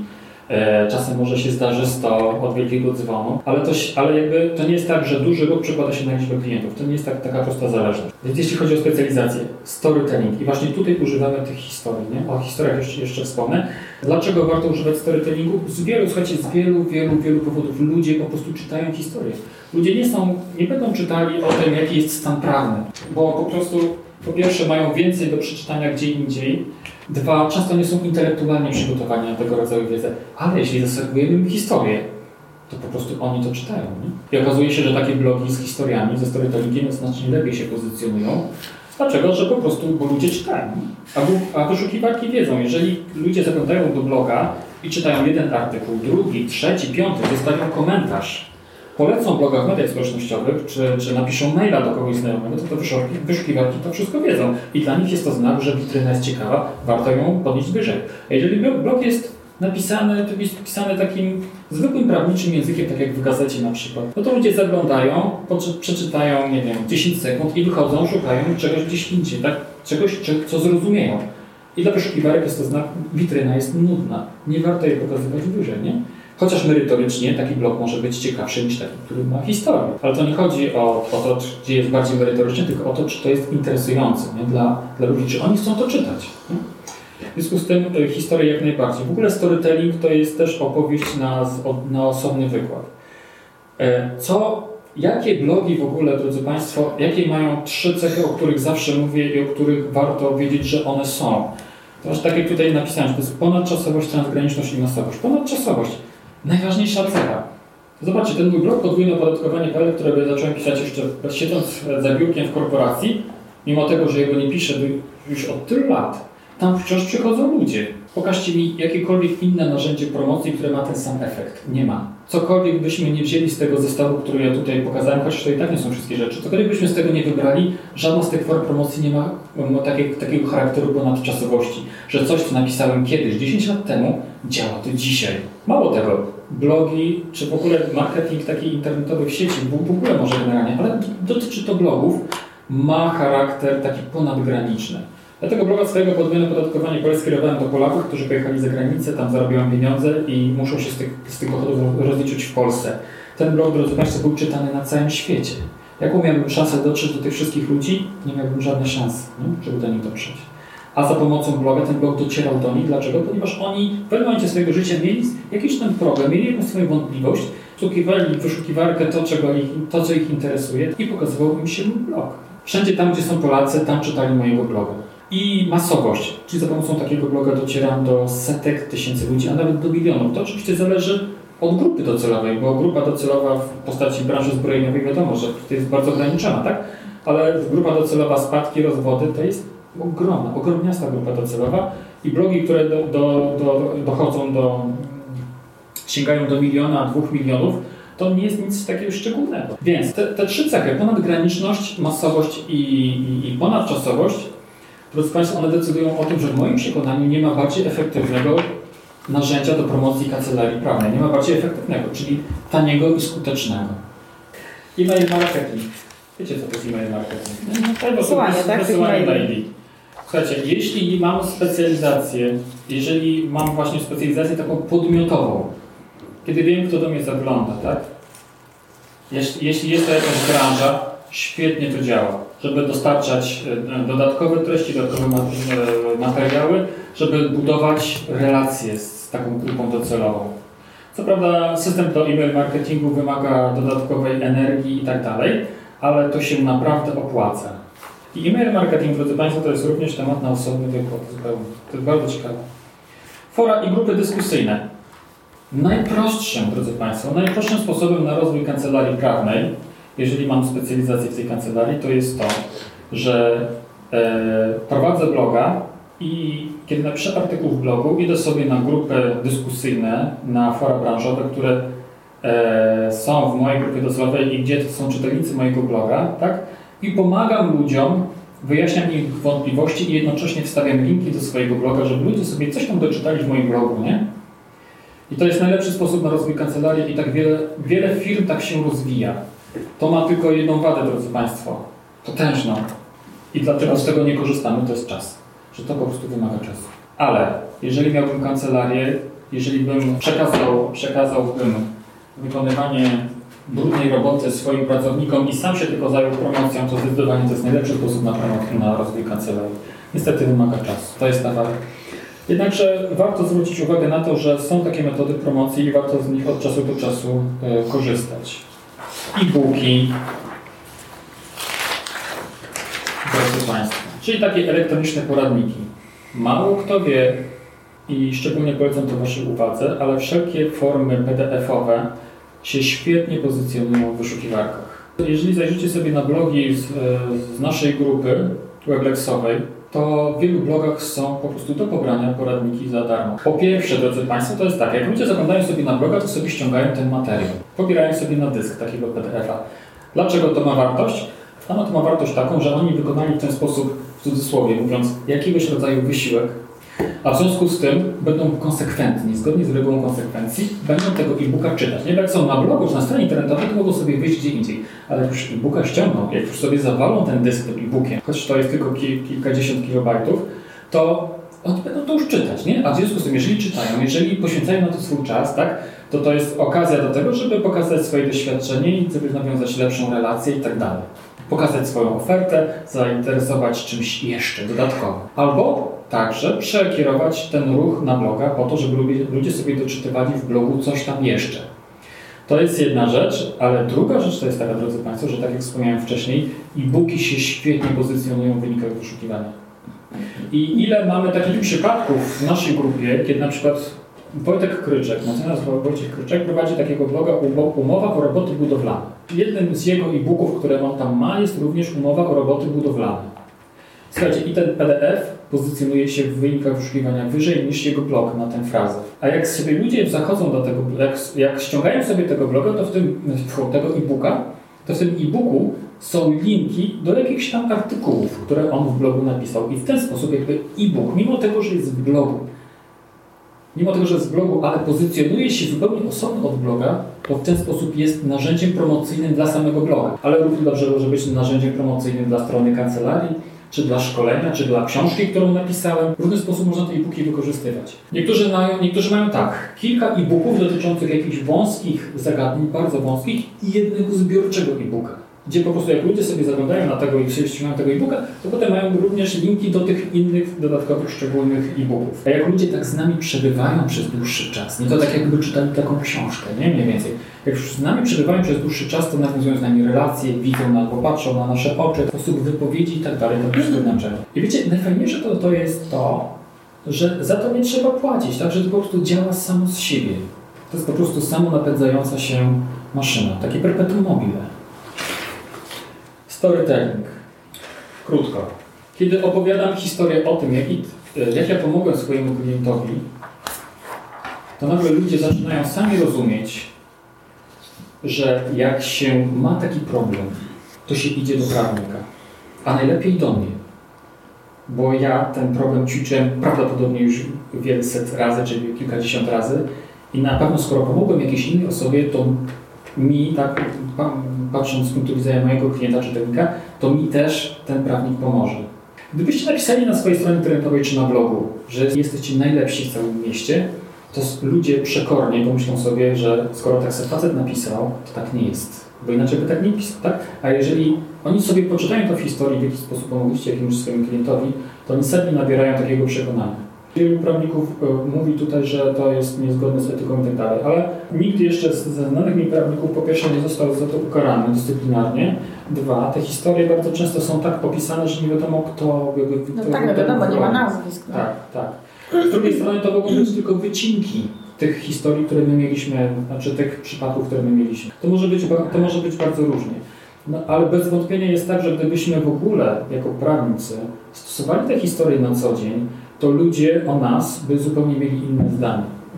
Tak? W sensie takim, że my za pomocą historii rzeczywiście jesteśmy przekazać e, wiele więcej niż tylko to, że my jesteśmy doświadczeni w jakichś dziedzinach. Jak jesteśmy za pomocą historii jesteśmy w stanie zdobyć zaufanie. To jest bardzo ważne narzędzie do promocji. Uważam, że izby, czy radcowskie, czy adwokackie powinny pokazywać w jakiś sposób właśnie budować relacje za pomocą opowiadania historii. Historie się świetnie sprawdzają w blogu. Okazuje się, że jeśli mam w blogu historię, to nawet tego bloga nie trzeba często, y, nie trzeba tam dużo pisać w tym blogu, bo te blogi się pozycjonują jak, jak szalone. A to z tego powodu, że po prostu ludzie czytają artykuły, jedną historię, drugą historię, trzecią historię, bo po prostu historie są wciągające. Znacznie łatwiej przeczytać historię, czy skupić się na historii, niż na komentarzu do kolejnej ustawy. Tak? Ale jak wspomniałem, storytelling to jest w ogóle y, na osobny, osobny wykład. A coś w tym może być trudnego, w sensie jakiś haczyk, coś na co się powinno uważać, albo czego absolutnie nie robić? No bo rozumiem, no, że temat szeroki, ale to Czy może... czego absolutnie nie robić, to, to nie wiem, ale... Proszę się, na pewno nie w ogóle pisząc jakikolwiek post na e, blogu trzeba wyważyć. Czy zarzucić wędkę z haczykiem, tak jest najfajniej, po prostu człowiekowi e, dać za darmo rozwiązanie problemu. Opcja numer dwa jest fajna i szlachetna, ale przepraszam, psuje rynek. A czy ten storytelling nie jest przereklamowany? Bo idę na jakieś szkolenie, na konferencje i ludzie opowiadają różne historie. Czasami mam nieodparte wrażenie, że tak jednak albo zmyślone, albo nieumiejętnie to robią. Właśnie. Opowiadać trzeba umieć. Tak, umiejętnie to robią. I właśnie jeśli chodzi o storytelling, to jest kwestia w ogóle opisania, opowiedzenia tego, tak? Bo każda historia ma swoją konstrukcję tak naprawdę. E, Ja nie wiem, czy w tym naszym cyklu, ja nie pamiętam jakie już ten tematy dałem, ale czy tam jest był temat storytellingu? W którymś Chyba nie. No to może w którymś tam jeszcze, jeszcze zaproponuję storytelling jeszcze, bo to jest w ogóle wszystko, tak? Od, zamienimy któryś. od sformułowań, od, od całej koncepcji, struktury, tak zrozumienia, jak, jaką ja rolę pełnię w tej historii, to wszystko ma znaczenie, nie?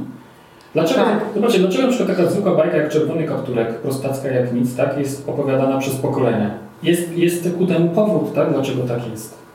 A inne historie wcale nie są tak opowiadane, pojawiają się i znikają. Dobra, ale przejdźmy dalej, bo dalej mamy, słuchajcie, drodzy Państwo, aplikacje mobilne. I teraz wyobraźcie sobie, że macie bloga w formie aplikacji albo stronę internetową w formie aplikacji. I ludzie ją mają po prostu na swojej komórce, tak po prostu przed oczami. Aplikacje mobilne, drodzy Państwo, to jest takie, jak ja napisałem, bezpośredni dostęp do klienta, bo w tej całym szumie, jaki jest informacyjnym, coraz większym, jeżeli ktoś ma ikonkę mojej kancelarii czy mojego bloga na pulpicie swojego telefonu, to on ma do mnie, czy ja mam do niego bezpośredni dostęp. Bo jeśli ja napiszę coś w swoim blogu, to mu się pokazuje powiadomienie, że coś się pojawiło w moim blogu. Tak on może bezpośrednio klikając w ikonkę zajrzeć na mojego bloga. I najprościej w ten sposób ludzi zmusić do tego, żeby poszukiwali u mnie informacji. Stworzenie aplikacji jest niestety kosztowne. I dlatego, I dlatego może, nie wiem, czy się przyjmą kiedyś aplikacje, czy, czy nie. Może duże kancelarie będą produkowały takie aplikacje, ale e, w tej chwili no, nie ma aplikacji. W ogóle e, nie widziałem żadnej aplikacji dotyczącej bloga. Nie? Jedna z firm robi dla mnie, dla naszego podcastu, który jest do kancelarii, aplikacje, ale coś długo im się schodzi. Nie? Zobaczymy, jak będzie. Teraz. Ja mam tutaj taki przykład e, aplikacji prawniczej e, Arbitration Ball zrobioną przez jedną z kancelarii. Mhm. Myślę, że bardzo ciekawe narzędzie. Tak, bo tak, e, jest sporo właśnie takich aplikacji, które działają jak pewnego rodzaju narzędzia czy pomoce, a w tle jest promocja kancelarii. Jak najbardziej też. Tylko ja tak wiele tu mówiłem Nie, o, nie, po prostu to o aplikacji nie strony bądź, bądź bloga, nie? takiej po prostu zwykłej, zwykłej strony internetowej. Ale takie aplikacje jak, jak najbardziej. A co to znaczy, że to jest drogie? To jest y, jakiego rzędu kwota? Żeby coś takiego zrobić właśnie? E, Ja chciałem wykonać e, aplikację dla swojego bloga, to mi w, e, w wielu agencjach wycenili mi to na 8 tysięcy, ale żadna agencja nie chciała się tego podjąć, bo dla nich się taki projekt nie opłaca. E, A gdyby Pan miał aplikację bloga, to, to by było właśnie taka ikonka w e, smartfonie i wtedy Tak. tam by się powiadomienia mogło Tak. wyświetlać, Jeżeli- tak, jeżeli- tak, tak. było coś opublikowane. Dokładnie tak. Tak jak napiszę artykuł i zaakceptuję go w blogu, to na ikonce wyskakuje No, że to powiadomienie. bardzo ciekawe. Jak najbardziej tak. To Tylko blog też można jakoś e, e, zapisywać się na nie, prawda? Ale to wymaga dostępu do komputera. Mhm, tak. Można było Tak. wypełnić na, na Jasne. telefonie. Jasne. Super pomysł. Super, tylko tyle, że no strasznie drogi, nie? I to jakby wykonanie tego też, też nie jest takie proste. Ale dobra, to jest jeszcze pieśń przyszłości. Wideo versus podcast. Zwracam uwagę, drodzy Państwo, na podcasty. Dlaczego podcasty są takie fajne i dlaczego są w moim przekonaniu przyszłością też w promocji kancelarii prawnej? Bo one wymagają jedynie biernego zaangażowania, czyli mogę słuchać sobie podcastu, w tym czasie jechać do pracy, mogę sprzątać, nie wiem, dom, mogę iść na jogging, tak, z psem na przykład, cokolwiek mogę robić i mogę jednocześnie odbierać ten przekaz marketingowy. Tekst trzeba przeczytać, usiąść przed komputerem i przeczytać. Wideo zazwyczaj się ogląda. A w przypadku podcastu można robić inne rzeczy i dlatego podcasty są coraz chętniej słuchane. Poza tym podcasty mają coś w sobie takiego intymnego. Ludzie jakby bardziej reagują na głos niż po prostu na obraz. E, Zachęcam przy tym do, do posłuchania naszego podcastu w drodze do kancelarii, bo to jest tak. Ja przeprowadzam wywiady też z prawnikami, którzy którzy są doświadczeni i, i po prostu coś ciekawego mogą powiedzieć o swoich, o swoich doświadczeniach. Wideo, żeby zrobić dobre wideo, to trzeba po prostu się czuć dobrze przed kamerą. Tak uważam. Co nie oznacza wcale, że musi być wysokiej jakości. Bo ja kiedyś nagrywałem w swoim starym Blackberry, gdzie miałem problem z przetworzeniem obrazu, nagrywałem te filmiki, które po prostu miały jakość koszmarnie potworną. I powiem Wam szczerze, że nikt nigdy na to uwagi nie zwrócił, że obraz jest zły. E, ale za to był dźwięk dobry. Więc to nie musi być super jakościowo wideo na wysokim poziomie, ale generalnie ważne jest to, jaki jest dźwięk i to, o czym ja mówię, bo treść jest oczywiście też bardzo ważna. Social media, i tak czas nam się zaczyna powoli, drodzy Państwo, kończyć. Social media generalnie rzecz biorąc, bo wcześniej mówiłem o Facebooku i o Instagramie jako takich narzędziach płatnych, czyli reklamy na Facebooku i na Instagramie. A tutaj mam na myśli po prostu współistnienie z moją grupą docelową. I drodzy Państwo, powiem Wam jedną rzecz. To, do czego ja sam osobiście wykorzystuję Instagram, Facebooka nie, bo tam nie lubię zaglądać na Facebooka, tam jest dużo śmieci, ale na Instagramie, na Instagramie lubię zaglądać. Dlaczego? Dlatego, że jeżeli tam są nasi autorzy, nasi prawnicy, nie klienci, to ja lubię po prostu wiedzieć, co u nich słychać, bo oni w ten sposób pokazują, co u nich słychać. Rafał, proszę, pytanie, jak ja wpada, jak oni zakładają, jak oni nazywają profil? Imieniem, nazwiskiem, czy jednak, nie wiem, radca prawny, adwokat, kancelaria? Jest to bardzo różnie. No Bardzo co, ty, ty masz Weblex po prostu? Nie, ja mam, ja mam Rafał Chmielewski. Ale do Weblexa mam odrębny, odrębny profil. Na profilu Weblexowym mam tylko blogi, które myśmy zrobili. Ale wiecie co? Media społecznościowe, wiecie do czego fajnie służą? Do komunikacji. Łatwiej jest na przykład skontaktować się za pomocą Messengera, czy za pomocą na przykład Messengera na tym, na, na Instagramie. Bo wiecie, bo jeśli ktoś ma pocztę, to mojego maila odczyta może na drugi dzień. Ale jak mu przyślę wiadomość na Messengerze, to on ją od razu czyta. Wiecie co, jest wielu prawników takich, którzy angażują się bardzo w ten kanał promocji. Na Facebooku robią live, codziennie coś tam publikują i tak dalej. Według mnie są lepsze i bardziej efektywne narzędzia do promocji, chociażby blog prawniczy, chociażby spotkania z ludźmi i tak dalej. Są e, Przepraszam, przepraszam, że znowu jest taki adwokat z tego, z, albo radca prawny z Białego Stoku. I jakie social media się nie odpali, to po prostu wyskakuje jak... E, Prawnik na budowie. Jak na budowie, tak? To nie Jakoś tak. Dobra. Ale przechodząc do alternatywnych metod promocji, drodzy Państwo, bo to myślę, że to jest w sumie bardzo ważna rzecz. Dzisiaj przeczytałem taki fragment i pomyślałem sobie, to jest z książki po drugi klient e, Hala Rosentrupa. Bardzo ciekawa książka i on napisał w pewnym momencie tak, żyjemy w paradoksalnym okresie, ludzie mają wciąż większe wymagania co do czasu. Widzą, jak ich życie coraz bardziej się komplikuje, rzeczy stają się coraz bardziej wyszukane, ludzi zaś ciągnie do prostoty. A zatem, choć nowe wynalazki przyszłości pociągną za sobą wiele zmian na lepsze, przyniosą też pragnienie tego, co w życiu naj- najcenniejsze. Kontaktu z miłymi ludźmi, jakości, etyki oraz zaufania. Firma przyszłości wypracowuje do perfekcji umiejętność łączenia najlepszych elementów zarówno nowych, jak i starych. E, to tak nawiązuje do tego, co już mówiłem wcześniej, tak? Żebyśmy nie, nie szli tylko, bo jest XXI wiek i w ogóle e, niedługo będziemy podbijać Marsa, tak? Tylko żeby e, nie tylko technologia, ale też to, to, co się liczyło zawsze od zawsze, czyli relacje z drugim człowiekiem mają, mają właśnie znaczenie. Wiecie co, drodzy Państwo, i tutaj mam właśnie alternatywne metody promocji i tu mam na przykład polecenia. Różne kancelarie mają różne doświadczenia z poleceniami. Bo niektóre mówią, że mają klientów z polecenia i bardzo dużo, a niektóre kancelarie mówią, że polecenia nie działają. Przestały działać. I dlaczego jest tak, że niektóre mówią, że polecenia działają, a, mówią, a niektóre mówią, że nie działają? Wiecie co, drodzy Państwo, w moim przekonaniu e, działają, tylko tyle, że trzeba po prostu mieć jakby tą całą kancelarię, ten cały mechanizm, o którym wspominałem w swoim tym, na, na stronie internetowej, że to wszystko trzeba mieć przemyślane i to wszystko trzeba mieć ułożone. Trzeba mieć pewne klocki na swoim miejscu, żeby to wszystko się spajało razem, tak? Wtedy te polecenia zaczynają, zaczynają być, e, istnieć. One się biorą z, w moim przekonaniu z pewnych fundamentalnych rzeczy, o których też powinniśmy porozmawiać, bo jakby nie było, to są narzędzia czy metody promocji kancelarii prawnej. Jedną z takich metod, o których warto sobie zdać sprawę, czy pomyśleć, to jest specjalizacja kancelarii. Bo jeżeli jestem chirurgiem naczyniowym na przykład, czy kardiochirurgiem, to jest bardzo, to jest oczywistą oczywistością, czy cytując klasyka, że ludzie, którzy mają z tym problem, będą przychodzili do mnie, żebym im pomógł.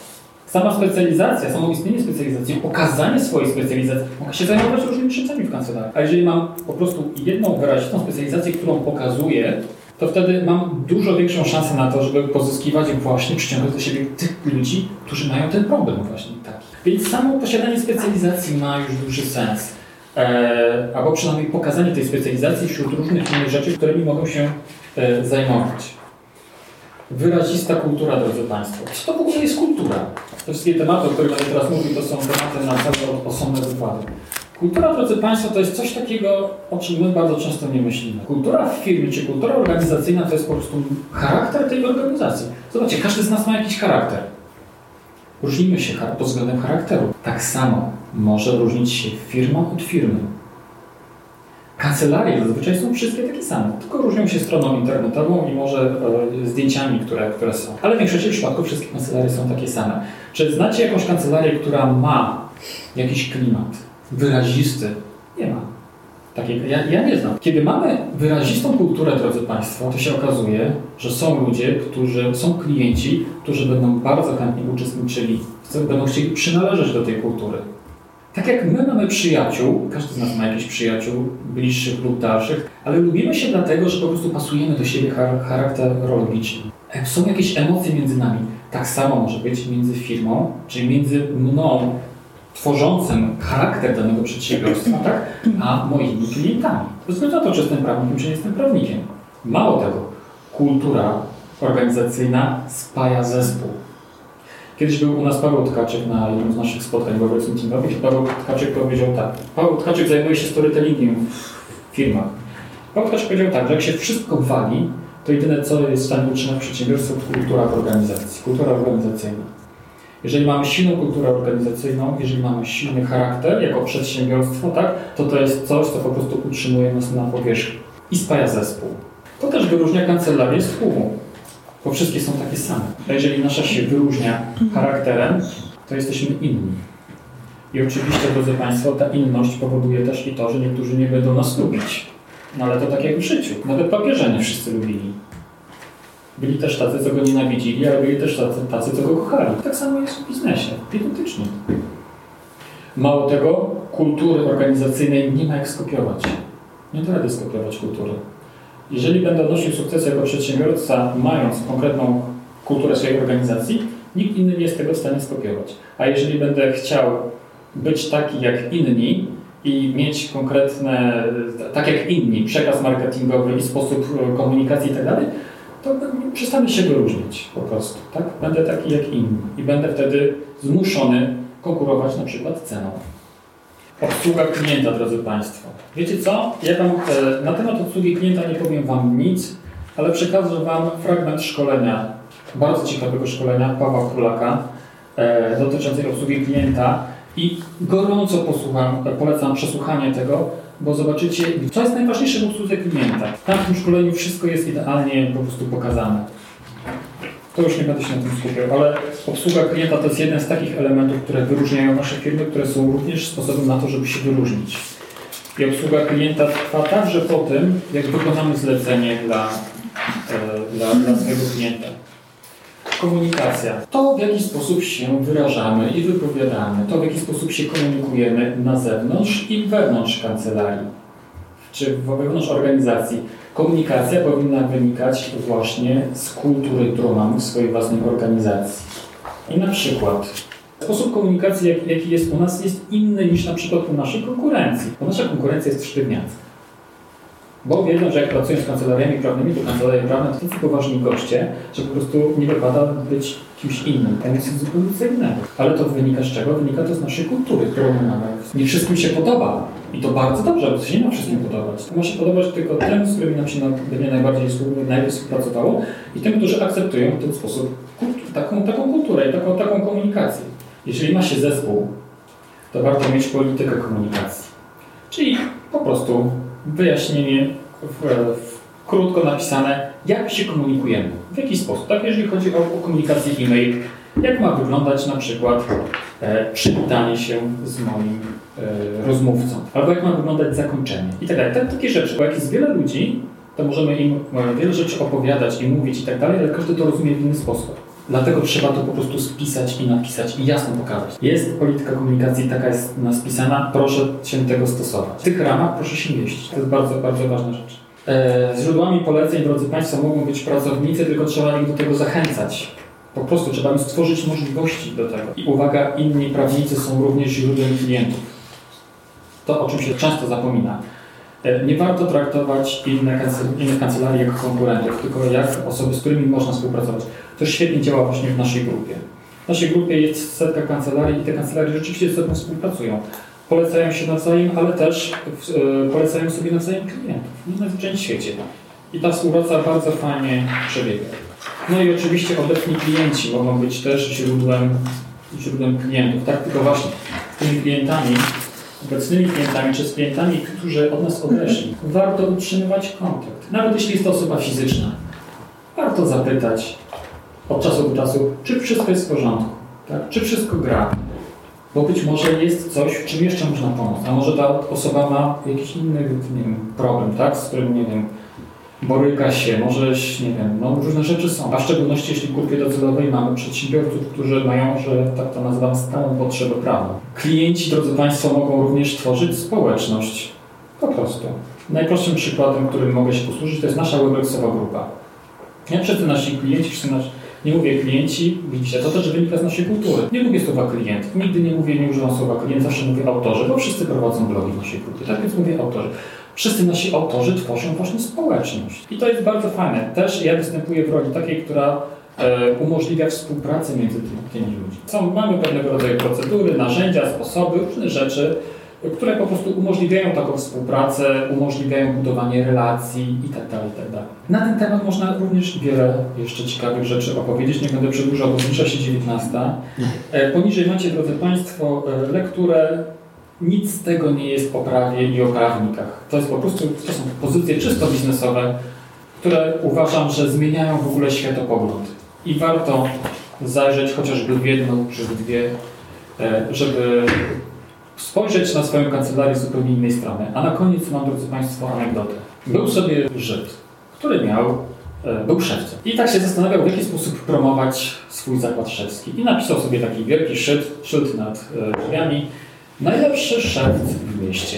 No był też jego konkurent na tej samej ulicy, który tak się zastanawiał, no kurde, co ja mogę zrobić? E, I mu przyszło do głowy, że w sumie jest, chce się pokazać jako jeszcze lepszy i napisał sobie na tym swoim szyldzie, napisał sobie najlepszy szewc w kraju. No i był trzeci szewc, który tak myśli sobie tak, mam szewc, mam konkurencję, jeden najlepszy jest w mieście, ten jest, a ten, który jest w kraju, to widocznie jest jeszcze lepszy. To, co ja mam napisać, no napisał sobie najlepszy szewc na całym świecie. No i był czwarty szewc. I ten biedak patrzy, jeden szewc najlepszy w mieście, drugi w kraju, trzeci w tym, na świecie. No i co ja mam biedny napisać? I wiecie, co napisał? najlepszy szewc na całej ulicy. I to jest taka, drodzy Państwo, anegdota, która myślę, że wiele rzeczy nam pokazuje, jeśli chodzi o sposób, w jaki sposób możemy promować swoje kancelarie. Że bardzo często jest tak, że poszukujemy e, gdzieś e, możliwości najróżniejszych, a często te możliwości są pod nosem zupełnie. Tak, nie musimy gdzieś daleko sięgać. I jeśli chodzi o kancelarię prawną, to akurat to dobrze pokazuje tę specjalizację, że warto się specjalizować. Że sama ta specjalizacja już wiele zmienia w kancelarii.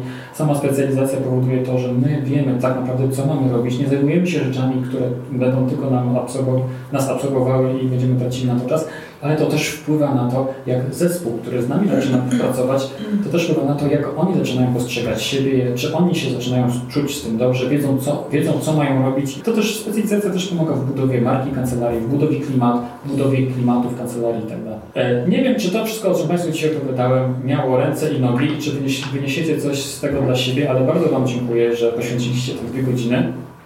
Wydaje mi się, że trochę za dużo materiału na dwie godziny.